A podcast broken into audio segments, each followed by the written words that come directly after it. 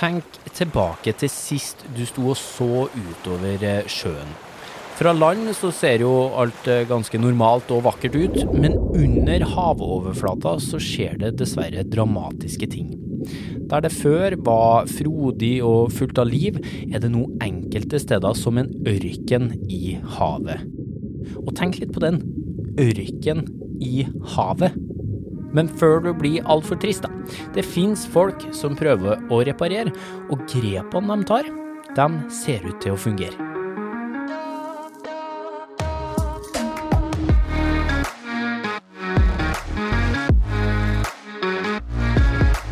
Du hører podkasten Smart forklart med Aksel Faanes Persson. Hjertelig velkommen til en ny episode av Smart forklart. Podkasten fra oss i Sintef der du risikerer å bli litt klokere og få litt større tro på framtida for hver eneste gang du lytter innom. I denne episoden så handler det om hvordan vi kan redde økosystemer som allerede er ødelagt i havet langs eh, kysten, og restaurere de her økosystemene tilbake til gammel storhet. Og for å forklare for oss, så har vi fått besøk av Ida Beate Øverjordet og Elina Willert Søråsen. Velkommen, velkommen. Tusen takk. Takk, Jeg. Eh, kjent med smart forklart-konsept, eller? Ja, absolutt. Jeg er et stort fan. Jeg lysner hver uke, Aksel. Det var derfor jeg spurte. nei, men, nei, men jeg elsker jeg for det. Veldig bra. Eh, Ida Beate, artig liten fakta om deg, da, er jo at du i tillegg til å Du har vært på radioen før, du er i podkast nå, men du er også på lerretet. Ja, jeg er jo med i dokumentarfilm. Ja, Ja. Du er aktuell, altså, i en dokumentarfilm som straks skal gå på kino i New York, eh, på andre utvalgte kinoer i USA òg. Artig å snakke med deg før du blir superstjerne. Ja, vi får se om det blir Oscar, da. Ja. Neste år. Kan- Kan vi få være med?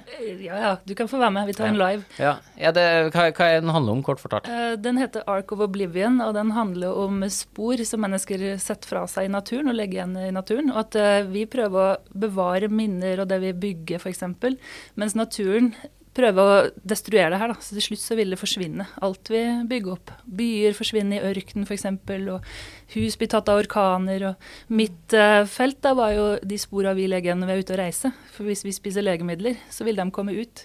Og dem legger vi fra oss uansett hvor vi er. Ja, gjennom blant annet at vi skyller ned i do når vi har vært på do. Ja, og at vi spiser dem, for de kommer jo ut. Og da Ja. går de ut i do, og så går de ut i naturen. Utrolig. Ok, og når du ikke er som filmstjerne, da, så er du altså biolog, Ja. eh, seniorforsker i Sintef, og så er du den som leder det her EU-prosjektet som heter eh, Klimarest, eh, som består av en stor gjeng med dyktige folk eh, Europa over, blant annet da Elina, vår egen Elina, eh, seniorprosjektleder i Sintef, eh, opprinnelig sivilingeniør eh, innen miljøteknologi, har vært med, det er fun fact da, en gang i tida så var du med og bygde opp dere Finn-torget. Finn.no eh, ble jo en suksess. Eh, har også da en trang, har jeg hørt, til å bryte ut i sang under møter. Kan du bekrefte? Jeg sitter og holder igjen nå. ja, ja, du gjør det? Ja, Ja, hvor ofte skjer det her da, Ida Bete? Eh, Lucia-sangen var vel siste vi opplevde. Ja, okay. Det var jo spennende. Ja, nei, så her kan alt skje da. Ja, og så tenker jeg at det, jeg- det jeg brinner for, og det jeg bringer meg inn fra erfaringen i Finn og sånn, det er jo hvordan man bygger eh, gode produkter som faktisk gjør en forskjell for folk. Og det er det som vi prøver å få til i dette prosjektet, eller skal få til i dette prosjektet også, Ja. innenfor marinrestaurering. Ja, dere har fått til en eh, god del ting allerede. På ett år, må vi si, har det EU-prosjektet her holdt på. Allerede har dere fått til noen resultater som er lovende, og dem skal vi komme tilbake til. Blant annet har det noe med hvordan hummer kan bidra i, i å fikse ting, eh, faktisk. Eh, men bare for å starte der, da. Altså, hvordan står det til med det her økosystemet i havet langs kysten, hvis vi, hvis vi tar økosystemene langs vår kyst først, da? Ja, langs kysten så har vi f.eks. tareskog, eh, som er veldig utbredt i Norge. Men den sliter jo i enkelte områder. For dette, der har det tippa over. Sånn at eh, påvirkningene har blitt så store at tareskogen rett og slett har forsvunnet. Og vi får krokkebolleørken. Og da kan du se for deg Tareskogen er jo, når den er levende, tredimensjonal. Høye planter, ser ut som en vanlig skog. Mange dyr som trives i denne skogen. Rekruttering til fiskepopulasjoner, f.eks. Snegler lever der. Alt mulig av eh, liv. Mens når du får det tipper over, da, sånn at du ikke får eh, tilvekst av tare, du får for mye kråkeboller rett og slett, som spiser opp taren. Da får du kråkebolleørken der det er helt flatt. Det er bare kråkeboller, Ja. ikke noe annet liv. Og her har vi jo ingen biodiversitet. Um, tilbake. Der er det bare kråkeboller, som er én art. Ja, for, fordi at i denne her eh, tara, da, Ja. så er det masse gode gjemmeplasser, det er masse Ja. næring, det er masse eh, arter der som spiser, som igjen blir spist, Ja. ikke sant? Og hvis du da ikke har det huset, da, eller den, den omgivelsene å bo i, og det er bare kråkeboller, ja. Eller en kråkebollørken, som du kaller det, det høres jo ikke noe trivelig ut, det da. Nei, det er ikke noe trivelig. Hvis du ser for deg f.eks. En, en levende skog, og så ved siden av den har du en grusparkeringsplass. Det kan vi sammenligne med. For i skogen har du jo trær og gress og alle mulige gjemmeplasser og mat til alle dyr. Hvor ville du heller vært da, hvis du var et ekorn eller hvis du var en fugl? Du ville ikke sitte på parkeringsplassen. Og du ville jo blitt spist av det som kom forbi. Men det, det du sier nå, at langs kysten vår, Ja. Så er det altså øh, Før var det den skogen. ja. Nå er det den parkeringsplassen eller den Ja, nå er det helt flatt. Bare massevis, tusenvis av kråkeboller som sitter og venter på det hver eneste lille spire av tare Ja. som prøver å leve opp. Hvorfor har det blitt sånn, da? Det har blitt sånn fordi bl.a. så har det vært overfisking av dem som spiser kråkeboller. Eh, steinbit, andre fisker eh, som har blitt fjerna. Og da tipper rett og slett økosystemet over. For når du ikke har dem som spiser kråkebollen, så får de formere seg altfor mye. Så det blir for mange av dem. Ja. For de lever jo sammen. Det er jo kråkeboller i frisk tareskog òg. Sammen med steinbit og torsk og alle mulige andre dyr. Så lenge de er i balanse, så klarer de å leve sammen. Og da vil eh, bestanden holdes såpass nede at tareskogen får vokse opp. Mens når predatoren, da den som spiser kråkebollen, forsvinner, så vil de bare få formere seg i det uendelige. Det er vår kyst, altså. Ja. Og, men eh, resten av Ja, nå er jo dere veldig europabobla, da, men altså resten av Europa, da? Vet du hva, det som er skikkelig deprimerende, er at det er utfordrende her i Norge, men det er enda verre lengs Europas kystlinjer. Dessverre. OK? Fordi Fordi problemställningarna er mer komplexa. Du har mye mer industriutsläpp, kloakutsläpp och så är det flera intressenter som är längs med kystlinjen, driver industri, brukare i form av rekreation, vi älskar att bada och surfa och allt vi gör. Och allt det här tillsammans gör att de arter som skulle ha varit där, som skulle ha fått blomstra och växa upp, de har inte rätta förutsättningar för att göra det i hele tatt. Utan det är andra arter som kanske trivs i den här kloaken som kommer ut, som tar över istället, men som inte skapar den här levande undervattensskogen med massa djur och höga växter som sträcker sig mot lyset. Nå hadde vi det trivelig her, og så ødela dere alt, liksom. Men, men, nei da, men altså nei, men det, er jo, det, er jo, det, er sånn det er. Ja. Det er rett og slett eh, ørken, da. Under havet. Det er ørken under havet i enkelte områder, og den utvider seg jo stadig. Eh, På verdensbasis 2% av tareskogen forsvinner hvert år. Og det er utrolig mye. Og vi ser jo ikke det her. Nei, Nei. vi ser ikke det. Og tenk hvis du har eh, 2 samme areal hvert år, altså om 50 år så er det borte. Ja. Men er det så farlig, da, hvis man skal stille det spørsmålet? Ja, for det f.eks. tareskogen. Vi har mange forskjellige økosystem under vann òg, men fortsatt med tareskogen. For dette, den er utrolig rik på arter, og den tilfører andre omkringliggende økosystemer òg. Mat f.eks. Og eh, plasser å gjemme seg. Og sel lever der og finner sin mat. Og fisk lever der. De må- må vokse opp der. Det er rekruttering til fisker, fiskeri. Alle mulige bestander som er avhengig av tareskogen. Og når den forsvinner som ørken, så har de ikke noe sted å vokse opp og leve. Og de får ikke mat heller, for det produseres ikke mat. Det er veldig få som liker å spise kråkeboller. Og det skjønner jeg når jeg har tatt i en groggebolle. ja. Jo, men, jo, men, jo, men for, for, vår del, i siste instans, liksom, altså, utrolig kjedelig for dem som, som lever der. Ja, Artene som skulle ha vært der. ja. For oss, da, som uh... For oss, vi er jo avhengig av økosystemer for mat f.eks. Sjømat. Og der tenker vi gjerne på fisk, vi da. Men det er jo, vi spiser jo mye annet av sjømat òg. Snegler spises f.eks. av andre enn meg. Men uh, ja. Uh, all marin næring, eller veldig mye av den marine næringen som baserer seg på økosystemet, f.eks. fiskeri, vil jo være avhengig av tareskog. Ja. Torskefiske og ja. så, så det her handler om alt, for tare tar jo opp CO2. Ja. eh, så det handler om alt fra, fra den hjelpa vi trenger eh, miljømessig, men det handler om matmessig. Altså hvis, det jo, for, for dere som ikke har sett Oppsynsmannen på NRK, eh, vi kan kan anbefale den sterkt. Fantastisk TV-serie som viser, der sier eh, professor Dag O. Hessen eh, annet det at eh, økosystem For økosystem er jo, og her må ikke rette meg hvis det er feil, men det er jo, det er jo rett og slett eh, alt det som lever eh, sammen Og, og fungerer sammen, ikke sant? Um, og sånn som han forklarer det der veldig godt, da, så er når det forsvinner en art, så er det som at du tar ut én eh, nagel fra et fly som er oppe i lufta. Og eh, du kan ta ut én art, og én nagel og én nagel der og der og der, og det går fint.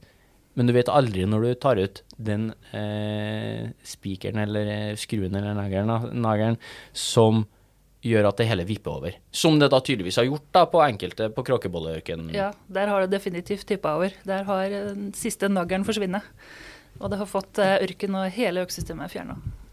I tillegg til at att vara bunnen, eller fundamentet för de marina näringarna, så är det också så att vi lever i en värld som prägas av klimatändringar. Och vi pratar om klimattillpassning. Och nu är det så att våra ekosystemer, till exempel tareskogen eller sjögräs under eller korallrev på andra delar av jorden, de bidrar också till att minska risikon som kommer med ändrat klima.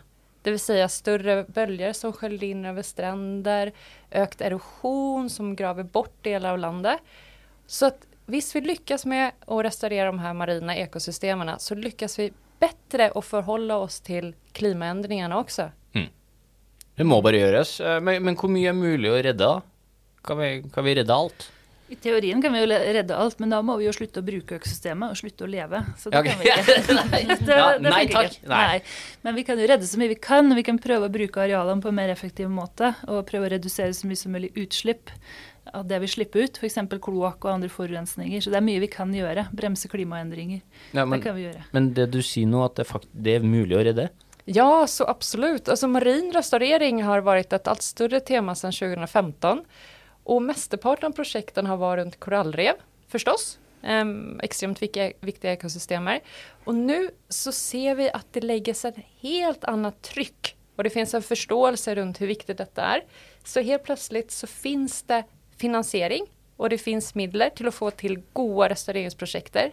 Också her i Norge og i resten av Europa. Ja, og det er jo det dere konkret driver på og gjør akkurat nå, da.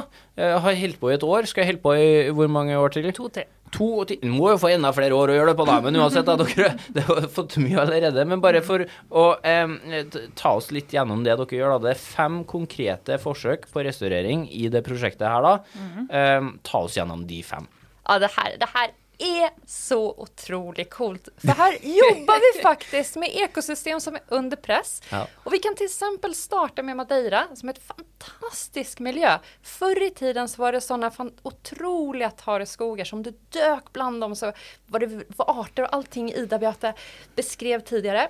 Uh, och det har också, vi har sett exempel på kråkebolleöken där också. Der och ja. Så nu jobbar vi med att sätta ut eh, tareskog och faktiskt uppmana lokalbefolkningen till att fjärna kråkebollar. Och vi tar också hjälp av lokala dykkebedrifter som tar med eh, turister ut och får dem till att säga någonting om hur ekosystemet ser ut, vilka arter som är där och rapportera det in till oss. Så, så, så der altså, det er tareskog som har forsvunnet. Ja. Eh, også der har kråkeboller tatt over. Eh, en del av grepene som da prøves nå, er å rett og slett bare dykke ned, ta opp de der kråkebollene, er det dere sier?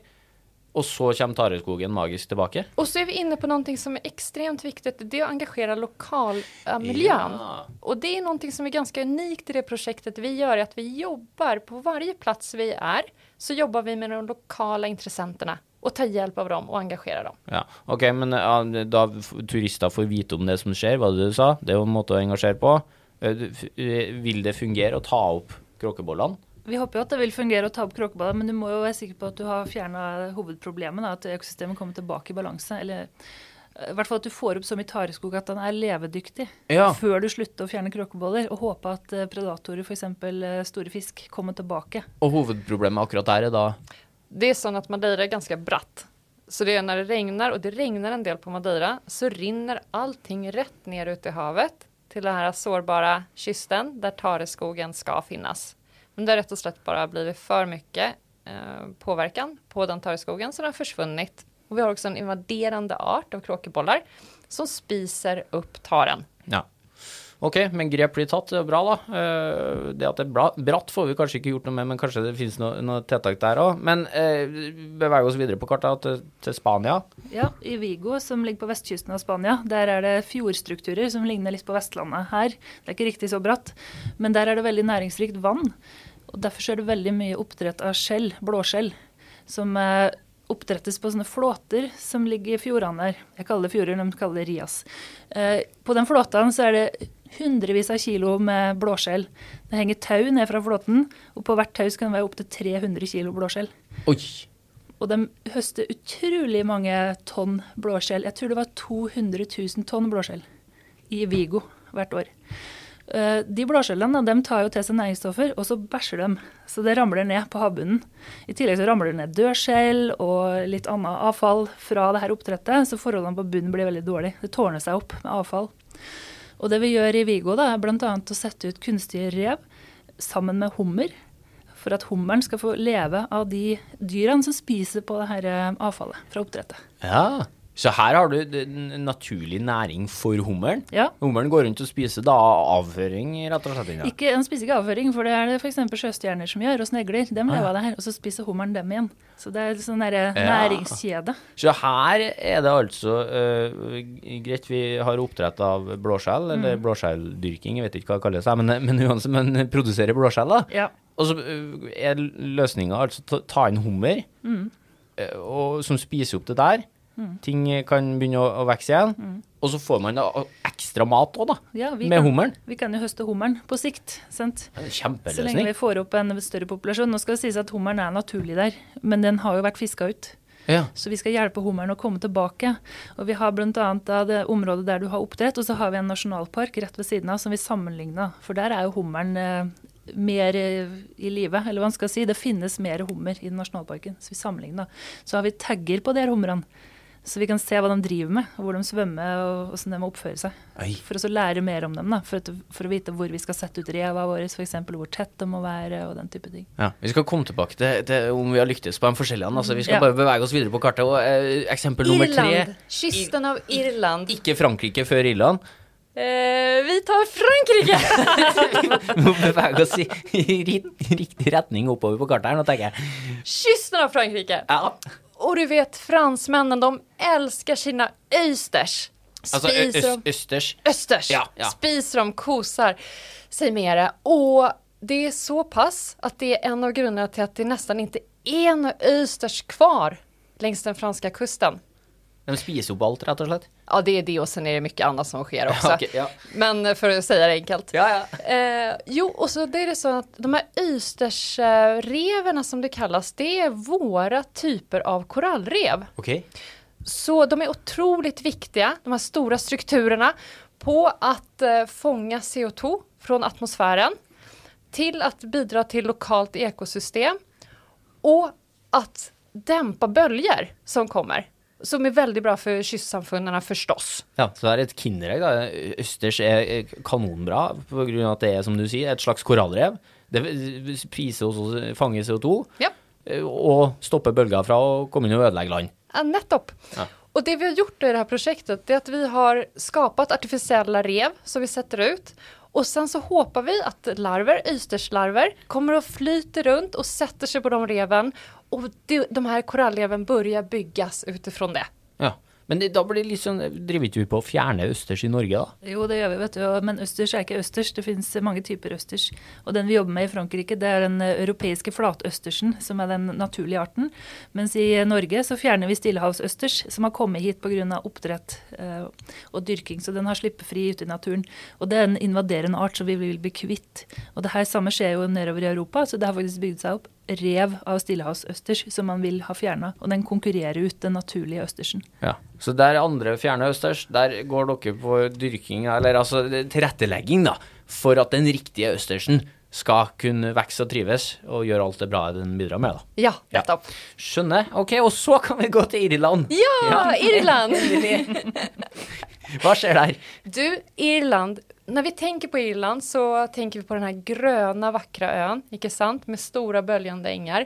Og det som er interessant, at det er exakt sånn Irland er under havytan også. Eller skal være. borde ha vært fortsatt. For der fins det store sjøgressenger som er extremt viktige for naturmangfold. Og det er sånn at de her ängarna, där det förr var ängar men som nu bara är som torr sand eller stranda, vad vi ska säga, så tar vi och transplanterar sjögräs från andra platser och sätter på eh, där det nu är bara torr eh, strand. Så det dere gjør, er å flytte sjøgress fra et sted til der det var før, er det dere sier? Ja, det är otroligt søtt. Små, små sjøgressplanter som vi finner coola måter eh, att få til å sette seg. Men vil ikke de forsvinne fra der dere tar det fra, da? De vi tar ifrån er veldig så stabile populasjoner. Ja, ok. En plass der det fungerer veldig godt, og er det det er rikt nok til at du faktisk kan flytte litt av derfra over. Vil de overleve? Det er da min egen planteerfaring som er veldig dårlig, da. Ja. Så når du flytter en plante eller gjør et eller annet, så kan det jo gå galt. Eh, Kan, skjer det også under vann? Det kan skje under vann. og det, Noe av det vi har gjort, er å kartlegge sjøgress over hele Irland for å se på variasjonen i sjøgresspopulasjoner, altså forskjellige områder med sjøgress, for å finne dem som er mest robust. For å dyrke dem videre og Ja. bruke dem i flyttinga. I tillegg til å flytte, så skal vi fors gjøre forsøk med å dyrke dem fra frø, og dyrke dem og sette ut eh, nye planter. Og da når vi vet mer om genetikken til plantene og hvordan de er tilpassa miljøet, så er det lettere for oss å velge ut de plantene vi ønsker Ja. å transplantere. For, for mer suksess, eller mer sannsynlighet da, for at de vil overleve. Ja. Men det er jo klart det er jo litt påvirkning, da, for folk bruker jo strendene. Ja, Så det er jo andre tiltak man kanskje òg må se på i tillegg. For her har du oss mennesker igjen, vet du. Ja. Ja. Eh, OK, og så eh, øverst på kartet, Svalbard. ja Det er femte og siste eksempel. Vi jobber jo langs hele Atlanterhavskysten av Europa, så Svalbard er siste demoen. Der har vi to forskjellige caser. Den ene er relatert til det å beskytte oss mot bølger. Eh, Vi prøver å installere strukturer med naturmaterialer for å bryte bølger. Fordi når du har eh, en eh, løs kyst, som du har på Svalbard kystlinje, med permafrost, så tiner jo den, og den vil havne ut i sjøen til slutt. Og det blir jo bare mer og mer av det her, når det blir mer og mer bølger. Så hus ramler faktisk i sjøen på Svalbard. Og veien mellom eh, Longyearbyen og flyplassen er på vei ut i sjøen. Så der må du legge opp masse grus hvert år, for at ikke veien skal bare forsvinne ut i Adventsfjorden. Oi. Og vi ser det veldig godt når vi kjører videre fra flyplassene utover mot Bjørndalen. Der er det store sånne innhogg. Så det nærmer seg hytter som ligger bortover der. Så vi skal prøve å finne forskjellige løsninger på det her, da. Ja. Det, hva- hva gjør man da? Du kan f.eks. sette ned tre eh, Hva heter det? Tømmer. Eh, kan du sette opp i sånn, på et sånn eh, mønster som gjør at de klarer å bryte bølgen. Eh, og kanskje kombinere det med sånn sandsekker eller store gitter med grus og sand. Store steiner, f.eks. Og da kan vi i tillegg sørge for at det vi installerer, vil være bra for dem som lever der. Ja, for skulle du si, er det bra for økosystemet? Det på Nei, det, det, det kan være bra hvis du gjør det på en måte som er tilpassa økosystemet. Sånn at du kan lage nye skjulesteder f.eks. For, for fisk. Du kan jo lage en Du lager på en måte et litt kunstig økosystem, men i stedet for å lage en betongvegg, så setter du ned andre typer strukturer og sørger for at det er huler og gjemmesteder for eh, fisk og andre dyr, ja. som gjør at de trives der. Ja. Det, altså, og så over til om det her fungerer. Nå har vi fått fem eksempler. Nei, vi glemte jo en. Oh, ja. Vi har jo kloakkeksempelet vårt nå. ja, men det er også oppe på Svalbard, det, da. Ja. Ja. Ja, vi jobber, også, vi jobber med to ting på Svalbard. så Det andre er kloakk. Det slippes jo ut eh, kloakk ute i Adventsfjorden. Så det vi skal se på der, er jo da åssen det påvirker økosystemet rundt utslippspunktet. Urensa kloakk er ikke bra for eh, noe miljø. Vi har jo snakka litt om det tidligere òg. Men eh, der også ser vi påvirkning på bunnen, bunndyra som lever rundt utslippspunktet. Ja. Og I tillegg så kommer det masse avfall, altså plasttøppel f.eks. i kloakk. Legemidler, alt mulig, som folk hiver uti. Og da påvirker jo det òg økosystemet i tillegg til kloakken i seg sjøl. Så vi skal prøve å innføre noen sosiale kampanjer, altså eh, minne folk på at de ikke må hive ting i do. Gjør folk fortsatt det, altså? Ja, de Altså, gjør det. Hva er de hiver? Nei, Vi har våtservietter, q-tips, bind, alt mulig finner vi ute. Sigarettsneiper. Ja, Så eh, de samler jo opp da søppelet på en rist i Longyearbyen som er installert eh, for et år siden. Og der var det ca. 80 kilo i uka Ja, som blir tatt ut. 80 kilo. Det, må, det kan vi slutte med, folkens. Det er jo veldig, veldig lett eh, tiltak. Men Ja. altså, OK, skal vi hoppe over til, til lyktes eller ikke-kategorien nå? Ja. For hvis vi drar oss gjennom de stedene vi har vært innom nå, Ja. hvor, hvor har vi bare i løpet av et år da lyktes? Ja, dels så ser vi at hummen er plassert ut i Spanien og faktisk spiser og vokser. Og vi ser også at de artificielle revene i Frankrike tiltrekker seg arter, flere arter enn øysterslarver. Det er litt tidlig å se hvordan vi gjør med øystersene. Det krever noen år på å se hvordan rekrutteringen er. Men det ser veldig lovende ut. Ja, Så har vi jo sett uh, sjøgress som spirer og lever etter utsetting, så det er jo veldig bra. Som jeg nevnte, så var det I Irland, liksom? I Irland, ja. ja. ja. Så der var det jo enkelte strender som jeg sa da, der det har vært litt utfordring, men uh, andre strender har det vært stor suksess. Så det, vi må jo se på hva vi har lært av første sesong, og så må vi se hva vi kan gjøre bedre neste år. Du, du, på så kort tid, da? Se for deg hva vi kan få til hvis vi legger inn en skikkelig innsats over veldig mange år, da. Det er helt utrolig hvor fort det kan gå. F.eks. hvis du fjerner kråkeboller der det har vært tareskog, så vil tareskogen komme tilbake i løpet av et år. Neste år vil du ha tareskog. Men problemet er jo at du må fortsette og fortsette og fortsette å fjerne kråkeboller, da, så lenge du ikke får inn dem som naturlig spiser dem. Så da må du gjøre tiltak der du får inn igjen fisk, f.eks. Ja. Det høres ut som dere er veldig avhengig av hjelpa fra oss, da. Altså både på det der med eh, å ikke kaste ting i do, ja. eh, men også det der med å faktisk, eh, sånn som dykkere gjør da, utafor Madeira, og mm. ned og hente de der kråkebollene. Ja. For det kan jo ikke dere gjøre 24 eh, timer i døgnet. Det, det blir travelt. Ja. Og det er nettopp Det er en sånn viktig ting du er inne på der, Aksel. Og det er just det at vi som forsker eh, grupp med forskere, vi har bare 24 timer i dygnet vi også. Og eh, behovet er enormt. Så vi må finne løsninger på marin restaurering som gjør at kan, vi kan få til mer, mer suksess globalt snabbere enn om det bare er avhengig av oss som jobber med de her sakene. Ja, og der, for jeg vet jo hva dere driver på med, så var det en lissepasning fra meg da, til den her digitale verktøykassa som dere uh, holder på å utvikle, uh, som da er uh, også en av de tingene som skal hjelpe oss her, men kanskje på flere fronter enn bare de fem eksemplene. da. For det er kjempebra det dere får til på de fem plassene, men det er jo millioner av sånne plasser. Eh, så, så, den der digitale verktøykassa, kan jeg bare få ta, dra oss gjennom den, da? Ja, så absolutt. Det er jo så at hver plass du kommer til der det skal skje marin restaurering, så skal du helst diagnostisere hva som har skjedd her, hva vil vi gjøre? Og så skal du sette en plan for hvilke tiltak du skal få til. Um, og du skal gjøre, gjennomføre de tiltakene, og sen så følge opp over lang tid. Og i og med at eko, ekosystemrestaurering under havytan er såpass nytt, så er det litt sånn prøving og feling som skjer. Så det er alt fler som gjør det, det er alt mer intresse for det, men vi må sikre at den kunskapen vi har, når ut og gjør så at vi lykkes i alt høyere grad med å få til et levende liv under havytan. Ja, for hvis det her prosjektet er ferdig om to år, da det ikke blir noen flere år etter det, så skal det kunne leve videre, de der eh, grepene dere finner ut om fungerer. Og hvis jeg da har skjønt det riktig, da, så vil det der være en slags sånn eh, Google for eh, folk som ønsker å bidra. Man kan gå inn i den digitale verktøykassa deres, så kan man eh, finne ut hvilke problemer man har, og hvilke grep som fungerer. Ja, for du har både noe som er eh, veldig sånn spesifikt Okay. Du har ju på det som, du hör ju på det som Ida berättar om eh, ekosystemen och som vi har vært igjennom, at du kan ikke sammenligne helt det som sker på Svalbard med det som sker på Madeira. Men det er noe som er til felles.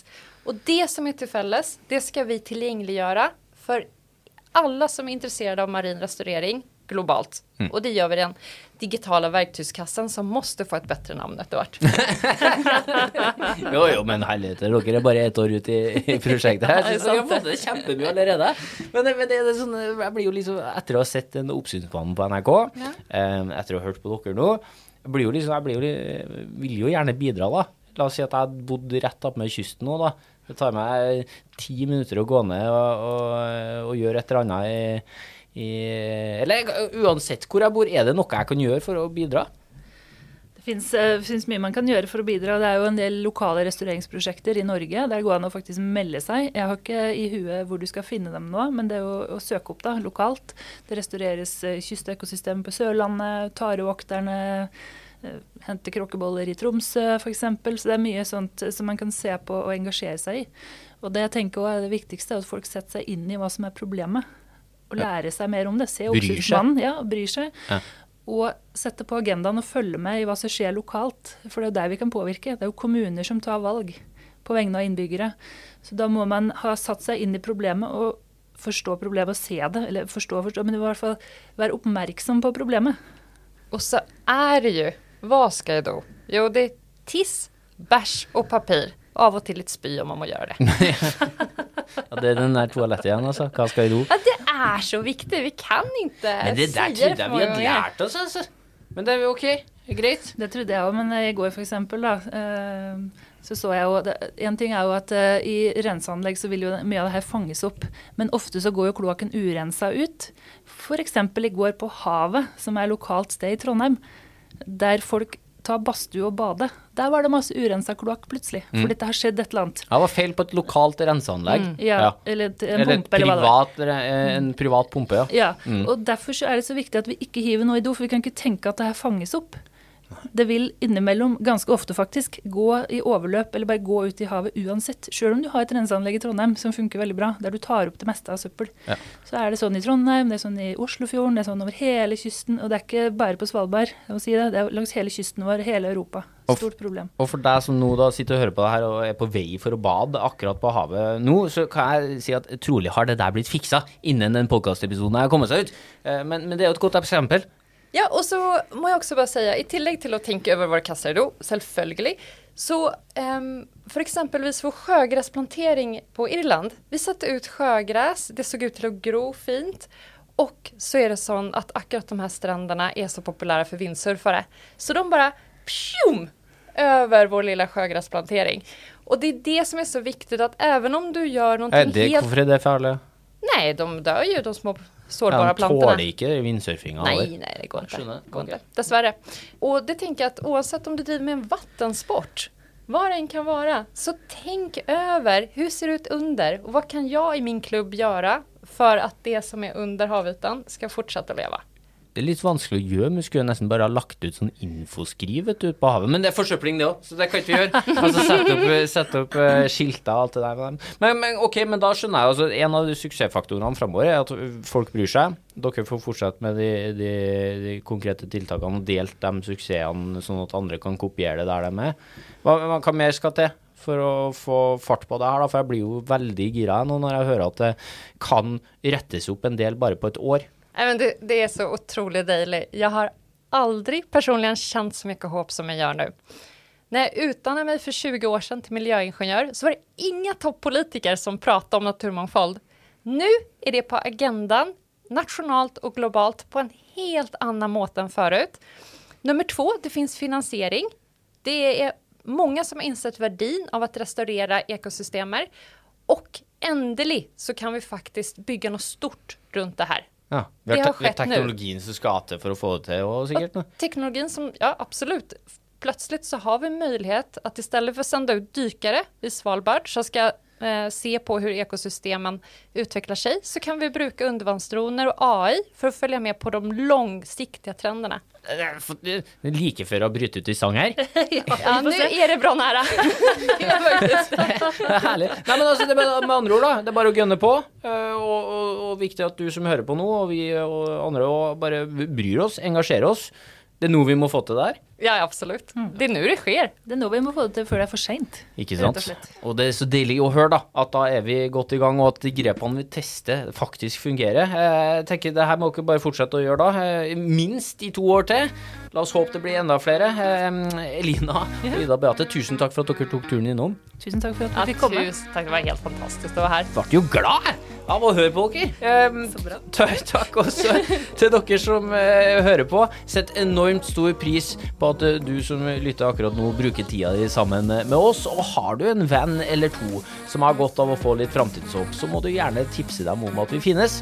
Og så blir det jubel i studio her, da. Om du trykker på den eh, følg- eller abonner-knappen der du fant denne episoden, så får du beskjed neste gang vi legger ut noe nytt. Ferskt forskningsstoff finner du akkurat når det passer deg på sintef.no, Gemini.no, Sintef-bloggen eller ved å følge Sintef i sosiale medier. Og vi er jo et av Europas største uavhengige forskningsinstitutter, så der er det alltid noe spennende å lese seg opp på. Eh, nye episoder fra oss i Smart forklart er på vei om ikke så altfor lenge. Og i ventetida fram til da skal forskerne her i Sintef fortsette å utvikle teknologi for et bedre samfunn.